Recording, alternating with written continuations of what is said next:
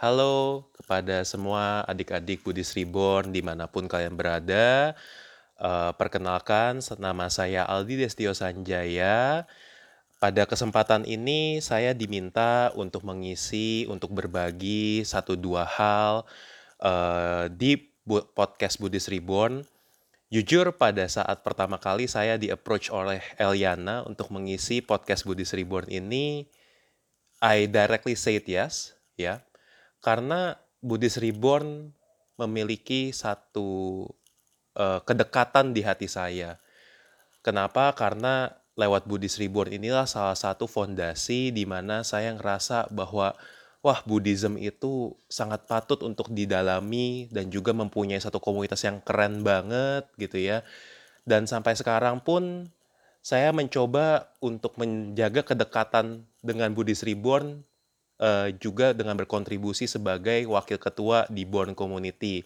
Ya, kalau teman-teman tahu Born Community itu uh, pangsa pasarnya adalah orang yang sudah bekerja dan juga uh, yang adults gitu ya. Mungkin adik-adik tahu kira-kira gue angkatan berapa gitu ya. But anyway, hari ini aku pengen bawain satu topik yang mungkin sedikit berbeda, yaitu adalah tentang uh, dunia keuangan. Uh, sedikit background, saya bekerja di bidang finance, khususnya di insurance sudah enam tahun. Dulunya sebenarnya nggak ada background finance sama sekali, teman-teman, karena saya tuh lulusan IT dari BINUS Senayan, ya. Dan di dua tahun lalu saya juga uh, akhirnya memutuskan untuk mendalami lebih lanjut dunia finance ini dengan mengambil satu sertifikasi, yaitu adalah Certified Financial Planner at the moment selain dari kesibukan saya di main job saya di uh, di insurance saya juga mencoba untuk meluangkan waktu dan juga berkontribusi uh, untuk literasi keuangan keuangan pribadi lewat uh, in circle underscore ID teman-teman. So you can actually look it up in Instagram for uh, for more knowledge about finance on that account gitu ya. Nah, pada hari ini saya diminta untuk sharing tentang finance, um, especially kepada teman-teman yang mungkin baru mau lulus kuliah gitu ya. Saya kalau misalnya boleh uh, boleh track back pada saat gue pertama kali itu udah mau masuk ke masa-masa kerja gitu ya. I had no alarm. Kayak rasanya itu things are just going well karena pada saat uh, di semester terakhir saya itu pengen uh, pengen lulusan gitu ya lagi ngerjain skripsi saya juga bareng lagi magang di satu perusahaan IT di Indonesia ya. Dan saya tuh nggak pernah dibekali sama uh, sama keluarga saya tentang pengetahuan tentang personal finance. Yang penting adalah ya udah lu dapetin uang, habis dapetin uang jangan sampai lebih besar pasak daripada tiang dan juga kalau misalnya memang ada uang lebih ya mulai yang namanya itu investasi dan gak jauh-jauh kalau misalnya sama orang tua mungkin di atas di generasi atas kita gak jauh-jauh dari yang namanya itu properti dan juga emas ya teman-teman ya. And frankly speaking that's what I did tidak sampai, uh, lama, uh, saya berkarir di dunia di dunia IT, saya mulai ke-introduce dengan dunia finance. Dan lucunya dunia finance ini sebenarnya berada sangat dekat. Mungkin teman-teman pernah ngerasa gitu ya dari pengalaman mungkin orang tua, pengalaman saudara, kok ada ya mereka itu ada dari saudara-saudara kita yang sangat menonjol secara ekonominya, dan juga mungkin ada teman-teman kita tapi kok kayaknya ngerasa mereka ini sebenarnya sudah bekerja keras luar biasa gitu ya, tapi kok kayaknya memang salah satu struggles dalam hidupnya itu selalu berkutat dengan yang namanya itu dua dunia keuangan. Nah, jadi sebenarnya agenda kita hari ini di dalam podcast ini adalah memberikan beberapa early start ya. Memberikan early start supaya jangan sampai teman-teman ini ke, uh, kalau di dunia keuangan itu banyak orang yang baru mulai belajar pada saat kepentok termasuk saya sendiri kalau saya boleh cerita gitu ya saya kenapa sampai akhirnya itu uh, mendalami dan bahkan I have deeper passion terhadap dunia keuangan ini tapi itu gara-gara awalnya sebenarnya kepentok teman-teman I was finding myself in a situation di mana pada saat itu gue ngerasa I am earning well enough gitu ya. Tapi ngerasa income gue tuh bisa dibilang tuh mungkin lebih besar dibandingin yang kanan kirinya. Tapi kok ada satu pertanyaan gitu ya. Kok kayaknya mereka bisa lebih yang namanya itu enjoy life dengan lebih baik. Kok kayaknya ada yang istilahnya effortnya less uh, less hard gitu ya, maksudnya lebih lebih lebih mudah, lebih nggak hardworking gitu ya daripada saya. Kok tapi kayaknya hidupnya lebih nyaman gitu ya. Terus banyak pertanyaan-pertanyaan yang saya tanya kepada diri saya. Ini kalau misalnya gue udah earn this money, mesti diapain uangnya? Mana yang harus gue prioritize duluan? Dan juga ini didukung oleh beberapa pertanyaan dari teman saya, teman-teman. Salah satu teman saya dari Born ya, uh, sempat lagi ngobrol. Uh, I like to talk with her during my uh, free time gitu ya. And she asked me this question. Di, gue tuh suka ngerasa insecure deh, Di. Gue udah kerja nih tiga tahun gitu ya. Tapi jujur gue tuh nggak ngerasa, uh, gue nggak ngerasa gue ini bener kagak sih? Dia, she's wondering, gue fasenya ini udah bener nggak sih? Uh, secara keuangan gue. Dan di situ saya ngerasa, oh bener banget ya ini salah satu masalah yang sering banget akan dialami bagi orang yang tidak mendesain, yang tidak memiliki istilahnya itu satu roadmap, satu blueprint terhadap rencana keuangannya. Termasuk saya pada saat pertama kali mulai ketampar-tampar dengan dunia keuangan ini ya teman-teman. Now you see, pada saat teman-teman mulai bekerja, kalian akan mulai yang namanya itu uh, mendapatkan uang, ya. And it's very close teman-teman. Mungkin bagi, uh, beberapa dari teman-teman yang dengerin sekarang udah mulai magang magang-magang gitu kan, udah mulai bisnis-bisnis sampingan untuk dapatin extra money or whatever that is gitu ya. But after you properly graduated from university, itu things are going to be very fast, ya tiba-tiba teman-teman harus dihadapi dengan uh, laporan pajak, harus ngisi SPT gitu ya. Terus teman-teman udah mulai nih, mungkin udah diajakin serius sama pacarnya. Tiba-tiba uh, perhitungan untuk marriage dan juga teman-teman untuk mikirin untuk tempat tinggal pertama gitu ya. Things become very very crowded, especially dari sisi keuangan. Dan di fase ini bisa jadi gitu ya teman-teman ya kita menjadi hanya ter, ter, terhimpit oleh waktu dan membuat satu decision berdasarkan pengetahuan yang sangat minim. Oleh karena itu, satu hal yang pengen saya bawain di sini adalah teman-teman perlu tahu yang namanya checkpoint dalam dunia keuangan. Ya, jadi pada saat saya mencoba memformulasikan ini, saya coba merenung ya teman-teman ya, berdasarkan dengan teori-teori dari Certified Financial Planning yang saya dapatkan, dan juga pengalaman-pengalaman pribadi saya, nggak taunya finance itu butuh yang namanya checkpoint. Teman-teman percaya nggak bahwa memang sih uh, uang itu nggak bisa beli segala hal ya, seperti istilahnya mungkin uh, kita pengen yang namanya itu menggunakan uang untuk membangkitkan orang yang sudah meninggalkan kita yang nggak mungkin ya teman-teman ya. Tapi percaya nggak teman-teman kalau misalnya kita bilang uh, uang itu bisa mengkondisikan, maksudnya mengkondisikan itu apa gitu ya teman-teman ya. Kalau kita mempunyai uang gitu ya kita bisa ya namanya itu uh, punya lebih banyak waktu gitu kan. Kita bisa berolahraga, kita bisa makan, bisa mikirin makan yang lebih sehat seperti apa. Oleh karena itu teman-teman, mau nggak mau harus ada checkpoint nih supaya uang kita tertata dan juga eventually membantu kita dari yang namanya financial stability ini mengarahkan kita untuk di satu state yang lebih happy teman-teman. Jadi kalau misalnya boleh saya gambarkan state satu customer journey, satu satu journey yang pengen dibawakan itu adalah pertama adalah kita mempunyai financial strength dulu gitu ya, stability diikuti dengan yang namanya itu untuk mencapai satu level happiness ya. Dan kalau saya coba pikir-pikir gitu ya teman-teman ya. Kenapa sih kita sebagai umat awam ini uh, hidup gitu ya? Apalagi kita di Buddhis tahu bahwa sadar bahwa yang namanya hidup itu nggak cuma sekali. Hidup itu ada uh, ada kita lah ada kelahiran kembali tumimba lahir ya. Sampai mungkin kita mencapai yang namanya itu nibana gitu ya teman-teman ya.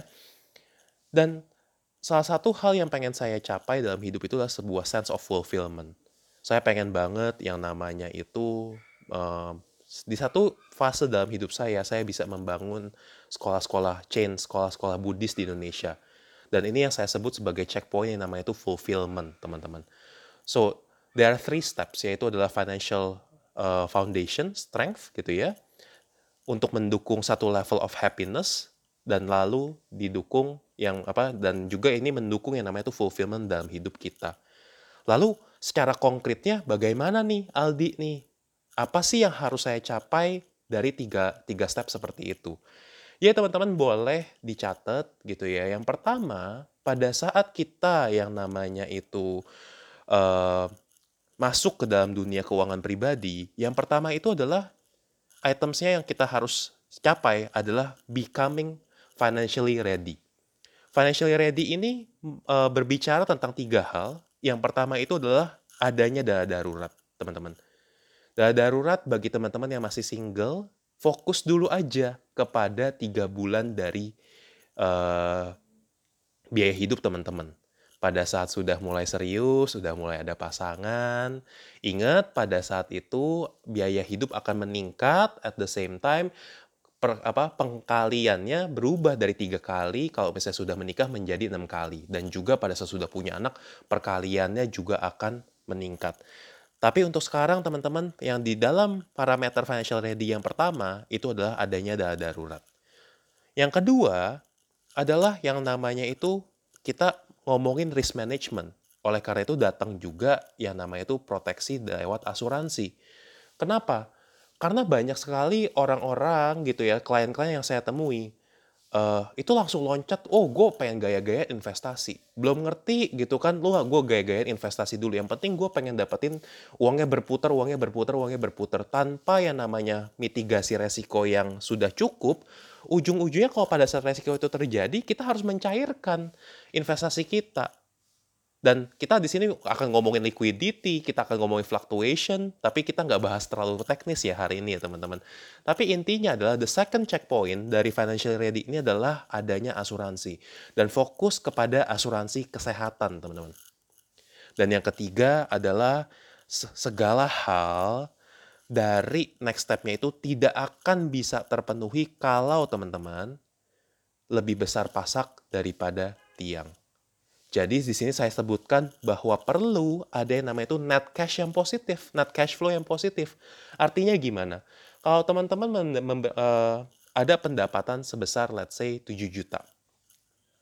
Kalau teman-teman bisa memaintain uh, expand teman-teman di bawah 7 juta, let's say di angka 4 juta, that is very good teman-teman. Ini berarti kita mempunyai net cash flow yang positif.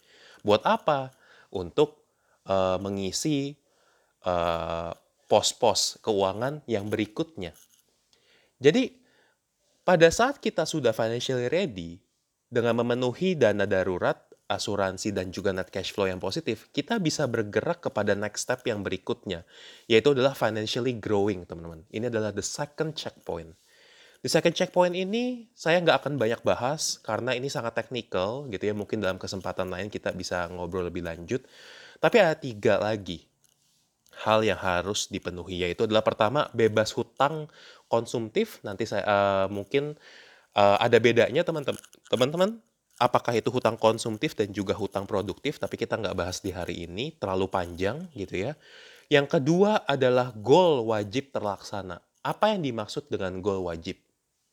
Teman-teman, pada saat kita mau membuat satu roadmap atau sebuah satu desain blueprint dari keuangan kita, apa yang kita perlu lakukan adalah uh, kita itu harus forward thinking Kenapa saya bilang forward thinking? Forward thinking ini adalah mencoba untuk memetakan dalam hidup kita ini kira-kira apa sih yang pasti keluar duit. Kalau dalam ngomongin personal finance. Contoh, pada saat nanti teman-teman sudah masuk bekerja, ya saya nggak, I don't want to jinx it gitu ya. It depends on your decisions as well. Tapi chances are ada banyak dari kalian yang akan masuk ke dalam fase yang namanya itu pernikahan dan nikah itu butuh yang namanya uang uh, uang juga teman-teman. Setelah nikah, mungkin teman-teman akan berpikir untuk mempunyai tempat tinggal yang pertama atau bahkan itu secara paralel dikumpulkan. Nah, menjadi, nah ini pun bisa menjadi goal wajib yang kedua, teman-teman, untuk memiliki properti sendiri atau tempat tinggal sendiri. Dan yang ketiga, kalau kita pikirkan forward thinking lagi, oh nanti mungkin gue akan punya anak ya, berarti gue harus siapin nih dalam pendidikannya. Loh ini menjadi goal wajib yang ketiga teman-teman. Nanti diikuti lagi habis dana pendidikan at one point kita sadar aduh uh, guru agung kita sang Buddha ini luar biasa ya. Dia uh, merumuskan gitu ya salah satu dari tiga kesunyataan uh, mulia itu ya adalah uh, yaitu adalah adanya adanya apa anicca teman-teman ya. Anicca itu adalah impermanence. Dan di sini saya kita bisa kita bisa meng me, apa ya merenungkan bahwa at one point in our life kita akan masuk yang namanya itu masa pensiun. Kita tidak produktif lagi kita akan istilahnya uh, masuk di masa mana di mana mungkin pendapatan akan jauh lebih kecil dibandingkan dengan yang namanya itu uh, pem, uh, pengeluaran gitu ya karena memang uh, yang namanya anicca ini sendiri. Jadi go wajib selanjutnya adalah yang menyiapkan dana pensiun, teman-teman. Inilah beberapa hal yang bisa disebut sebagai goal wajib dalam dalam kategori financially growing. Dan eventually kita uh, kalau bisa gitu ya, kita akan menyiapkan cadangan uang kas gitu ya untuk uh, kita bisa let's say gitu ya membantu fase ketiga yaitu adalah fulfillment, teman-teman. Jadi setiap dari financially ready, financially growing, dan step ketiga yang saya akan jelaskan itu ada satu perasaan, ada satu hasil yang teman yang semestinya teman-teman rasakan. Jadi contoh di financially ready itu kan kita ngomongin dana darurat, asuransi sama net cash flow. Perasaan yang muncul pada saat financially ready ini adalah oke, okay, kalau gue amit-amit istilahnya ini kenapa-napa, at least gue ada nih pegangan kalau tiba-tiba dunia pekerjaan atau bisnis gua nggak well, uh, nggak going well, ada nih satu pegangan. That's the feeling that you should get di checkpoint yang pertama. Di checkpoint kedua yaitu adalah financially growing, kan kita kan lagi mencoba untuk memetakan dan juga memenuhi goal-goal wajib kita dan juga bebas hutang konsumtif ya teman-teman ya. Perasaan yang semestinya muncul pada saat kita melewati fase ini adalah aduh hidup gua yang pasti-pasti yang udah harus gua lewatkan seenggaknya udah aman nih gua nggak akan ngerepotin anak gue gua nggak akan ngerepotin orang tua gua lagi. Dan di sini sandwich generation akan gitu ya domino sandwich generation akan terpatahkan ya. Nah masuk ke checkpoint yang ketiga yaitu adalah financially abundant atau bisa dibilang itu abundance itu apa ya teman-teman ya? Uh, how do you call it abundance? Tercukupkan. Tapi bukan tercukupkan dalam artian tuh merasa ada fulfillment gitu ya. Di sini kita targetnya kita naikin satu level lagi yaitu ngomongin tentang passive income, kebebasan waktu, dan juga ngomongin distribusi kekayaan yang efektif kepada next generation kita. Ya. Di sini oleh karena oleh karena itu logikanya adalah setelah teman-teman memproduksi aset di masa produktif teman-teman dan kalian akan mengkonsumsi aset kalian pada masa-masa konsumtif mungkin di masa pensiun ada beberapa dari aset teman-teman itu yang bisa kalian gunakan untuk fulfillment dari hidup kalian sendiri. Saya aku yakin ya gue ya uh, gue yakin gitu ya teman-teman pasti memiliki rasa idealisme dalam hidup ini gitu ya dan itu yang coba kita akan penuhi di third step, which is financially abundant. Nah, teman-teman, mungkin di sini teman-teman masih ngerasa, waduh, overwhelmed sekali gitu ya. Ada yang mungkin ngerasa overwhelmed, mungkin ada yang ngerasa, oh gini toh checkpointnya. Whichever state kalian pada saat ini, gue akan coba untuk merangkumkan dengan tiga key starter.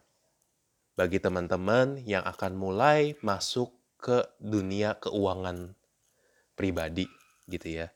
Regardless sudah tahu checkpointnya. Kalau saya rumuskan, ada mungkin tiga hal yang bisa teman-teman pakai, yang bisa teman-teman uh, gunakan setelah ini. Jadi ini seperti anggap aja sebagai take away ya teman-teman ya, sebagai poin konkret yang teman-teman bisa lakukan. Yang pertama, yaitu adalah pada saat teman-teman masuk melepas dunia kuliah dan masuk ke dunia karir atau bisnis di mana teman-teman akan mulai mendapatkan uang sendiri, I'm seeing that many people see it as, wes akhirnya gue bebas, gue akan earn sendiri gitu ya. Gue I'm earning myself, dan ini adalah duit gue dan tendensinya adalah eh, nggak uh, ke semua orang sih ya. Tapi ada beberapa yang mungkin ngerasa kayak burung terlepas dari sangkarnya teman-teman. Perlu diperhatikan bahwa justru yang perlu kita set di dalam hati dan pikiran kita adalah justru ini adalah this is the new start. Ini adalah awal mulanya. Things are going to move very fast after this, teman-teman kalau dipikirkan gitu ya, kita SD itu 6 tahun. SMP, SMA 6 tahun lagi, kuliah 4 tahun. Belum ada yang masuk yang namanya itu eh, S2 dan lain-lain. Tapi kalau misalnya kalian sudah masuk ke dunia karir, dan bagi kalian yang istilahnya itu akan move ke next step yang lebih lanjut lagi, biasanya kan orang lulus itu mungkin di usia uh, 21, 22 tahun ya teman-teman ya dan masuk masa nikah itu di usia 25 sampai 30 rata-rata gitu ya. Beberapa yang sudah merencanakan awal ya seperti itu gitu ya. Uh, tanpa bermaksud untuk memberikan pressure kepada yang belum nikah dan lain-lain, tapi ya itu yang biasanya terjadi teman-teman. Things are going to move very fast dan kebutuhan finansial akan luar biasa tinggi. So that's why you have to have the mindset that this is the new start, this is the new page of my life, this is the new beginning. Dan harus ada satu kayak alarm gitu ya, satu alarm dan alarm ini bermaksud untuk memberikan kita satu wake up call bahwa wah gue harus istilahnya ini justru mindsetnya jangan YOLO nih. Tapi lebih banyak diperbanyak pembelajaran tentang dunia keuangannya. Ya. Jadi setelah mempunyai mindset ini, hal konkret take away yang kedua adalah teman-teman, setiap perencanaan keuangan dimulai dengan yang namanya itu adalah mencatat atau recording. Bagi teman-teman yang mungkin background uh, majornya adalah finance, kalian mengerti. Atau misalnya di akuntansi, kalian mengerti bahwa salah satu step dalam uh, dalam keuangan adalah mencatat. Kalau di akuntansi ada yang bikin jurnal gitu ya, kalau abis itu setelah jurnal kita abis itu kita kalau di dunia finance kita akan membuat yang namanya itu financial statement berdasarkan recording tersebut. Sama nih di dunia personal finance juga teman-teman aku encourage untuk melakukan pencatatan atau recording. Kita nggak usah mikirin financial statement tuh apa gitu-gitu ya tapi simple teman-teman. Yang pertama yang perlu kalian catat adalah what you have apa yang kalian punya dan what you have ini ngomongin tentang aset jadi aset itu bisa dicatat nih, oh kalau misalnya gue udah punya uh, tabungan, berapa tabungannya gitu ya. Oh kalau misalnya gue sudah punya misalnya uh, reksadana atau apa gitu ya, dicatat dulu ya aja tuh what you have at this moment ya. Yang kedua adalah pencatatan yang kedua adalah tentang what you owe atau apa yang kalian pinjam. Saya rasa uh, mestinya sih sedikit teman-teman yang uh, bahkan mungkin nggak ada yang ada pinjaman at this moment of time. Tapi kalau misalnya teman-teman ada pinjaman juga dicatat tuh what you owe, ya. Dan selanjutnya yang perlu di recording adalah what you earn atau apa yang teman-teman dapat apa uh, dapatkan secara cash cash inflow ya bahasa bahasa teknisnya ya teman-teman ya. Pendapatan kalian tuh apa aja dan juga berapa. Jadi teman-teman catat ini sebenarnya lebih penting pada pada fase ini. What you earn dan juga yang terakhir adalah what you spend. Apa yang teman-teman uh, keluarkan. Jadi dicatetin tuh, gue dapetnya segini, gue keluarnya segini, gue dapetnya segini, gue keluarnya segini. Dan mulailah dari situ dulu supaya pada saat kalau misalnya teman-teman sudah nanti belajar tentang membuat financial statement, tentang istilah investing dan lain-lain, kalian sudah mempunyai pencatatan yang baik. Ya. So, saya summarize dari sisi recording gitu ya, yaitu adalah what you have, what you owe, what you earn, dan yang terakhir adalah what you spend. Dua item ter, apa dua item terakhir itu sebenarnya lebih penting pada saat ini, teman-teman. Karena kita seenggaknya mempunyai satu mindset bahwa uh, wah kalau misalnya gua record nih ya, ih gue lebih besar pasang daripada dia apa enggak sih? Atau gue sebenarnya lebih besar uh, lebih besar pendapatannya daripada expense-nya. And this is what you need to know first.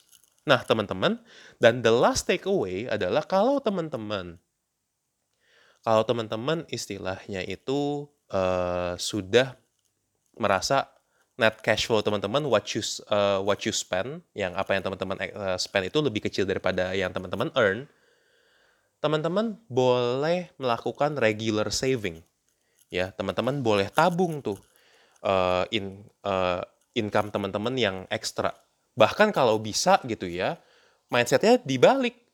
Dari income gue ini berapa persen, berapa target saving gue. Dan kalau misalnya gue boleh kasih, minimum itu 10 persen teman-teman. Ya, minimum dari income teman-teman 10% itu harus masuk ke regular saving. Dan saya encourage teman-teman pada saat pada tahap ini untuk lebih memperbanyak invest di dalam diri teman-teman. Ya.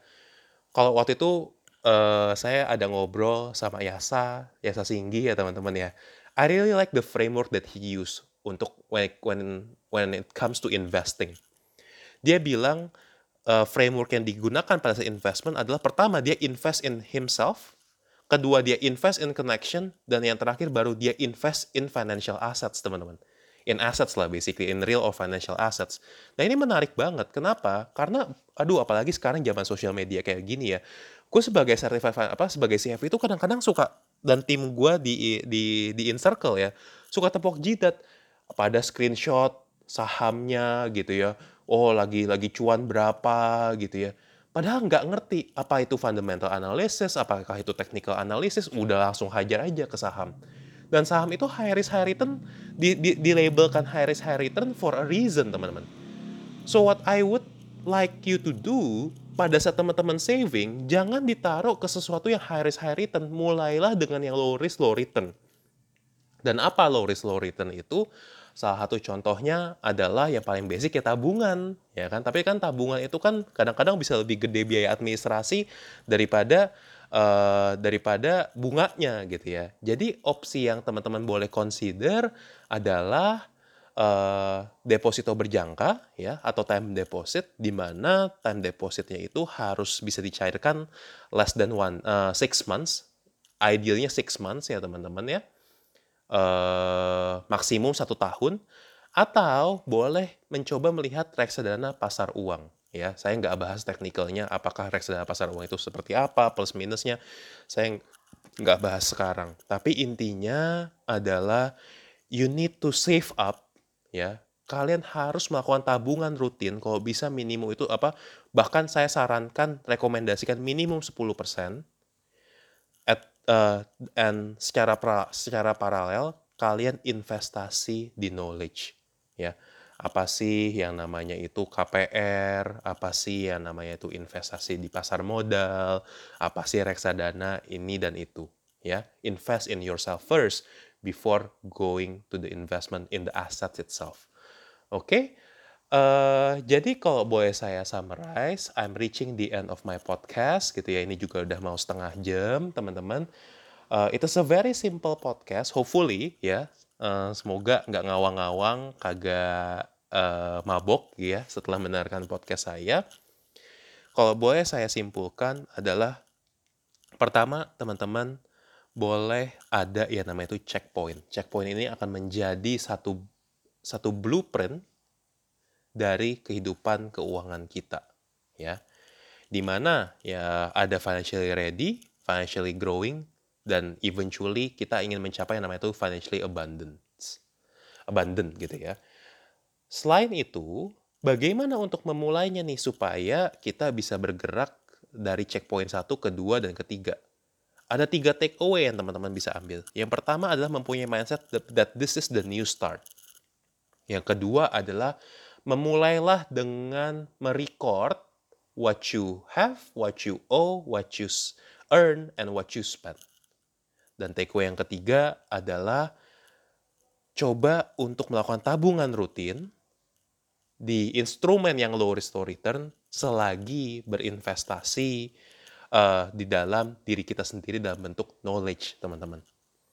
Dan yang terakhir, ingat teman-teman, gitu ya, kita sebagai umat awam, kita ini dihadapi dengan yang namanya itu anicca atau impermanence. Sang Buddha tuh sadar bahwa anicca ini men, men, me, meletakkan kita di posisi yang ya tidak pasti. Anicca itu tidak pasti, teman-teman. Kalau tahu dengan satu kesadaran bahwa kita ini tidak pasti, uh, kita harus sadar bahwa hidup ini harus direncanakan. Kalau tidak direncanakan, makin berantakan, teman-teman. Ya, karena adanya anicca itu. Ya. Tapi juga di satu sisi, uh, Sang Buddha juga mengencourage kita untuk yang namanya itu berjuanglah ya. Uh, saya sedikit lupa kata-kata, uh, tapi ini adalah kalau apa uh, apa deta sampai deta ya, kalau nggak salah ya teman-teman ya. Da, dan di sini saya mendapatkan satu, saya mengartikan bahwa Sang Buddha ini mengencourage kita untuk berusaha kalau kita berusaha dengan sekuat hati dan tenaga gitu ya dalam hidup kita ini. Kalau mungkin kita istilahnya itu belum tergugah untuk mencapai yang namanya kesucian dan kayaknya ini adalah hidup kita sebagai di kehidupan ini adalah sebagai umat awam gitu ya. Ayo lakukan our best version. Our best version untuk mengkondisikan hidup kita sangat bermakna. Ya. Gimana caranya? dengan mempunyai mindset semakin banyak yang saya dapatkan, itu bukan berarti untuk diri kita sendiri. Justru semakin banyak yang kita bisa berkontribusi, teman-teman. Ya.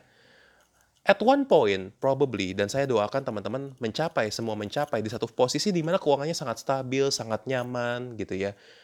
And you will start forgetting this encouragement uh, oleh guru agung kita, yaitu adalah untuk yang namanya itu ber, berusaha, ya dan di sini saya encourage teman-teman bahwa the more you get, itu sebenarnya adalah satu tanda bahwa kita ini harus memberikan yang namanya lebih banyak lagi. Mengkondisikan lebih banyak makhluk, lebih banyak manusia di sekitar kita untuk merasakan, untuk mendapatkan value dari diri kita. Karena ingat teman-teman, walaupun istilahnya uang itu kita nggak akan bawa pada saat kita meninggal gitu ya, tapi seluruh karma baik, seluruh istilahnya value yang kita bawakan kepada sekitar kita, sekeliling kita, itulah yang akan di pass on dan itu adalah harta yang paling berharga yang tidak bisa dirampas oleh para yaka, para naga, pencuri mana pun juga dan selalu akan ada di dalam diri kita. Ya. So, uh, happy learning. Uh, uh, semoga podcast ini berguna bagi teman-teman dan juga uh, mari kita gunakan hidup kita ini menjadi sebagai saluran berkat kepada seluruh makhluk di sekeliling kita. Sadu-sadu-sadu ya teman-teman ya. Uh, demikian podcast saya. Sampai jumpa. Kalau misalnya ada yang mau tanya-tanya lebih teknis, silakan ke Instagram pribadi saya ya.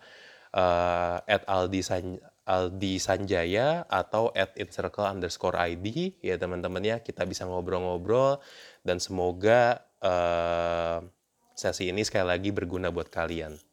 Thank you. Sukihotu Namo Buddhaya.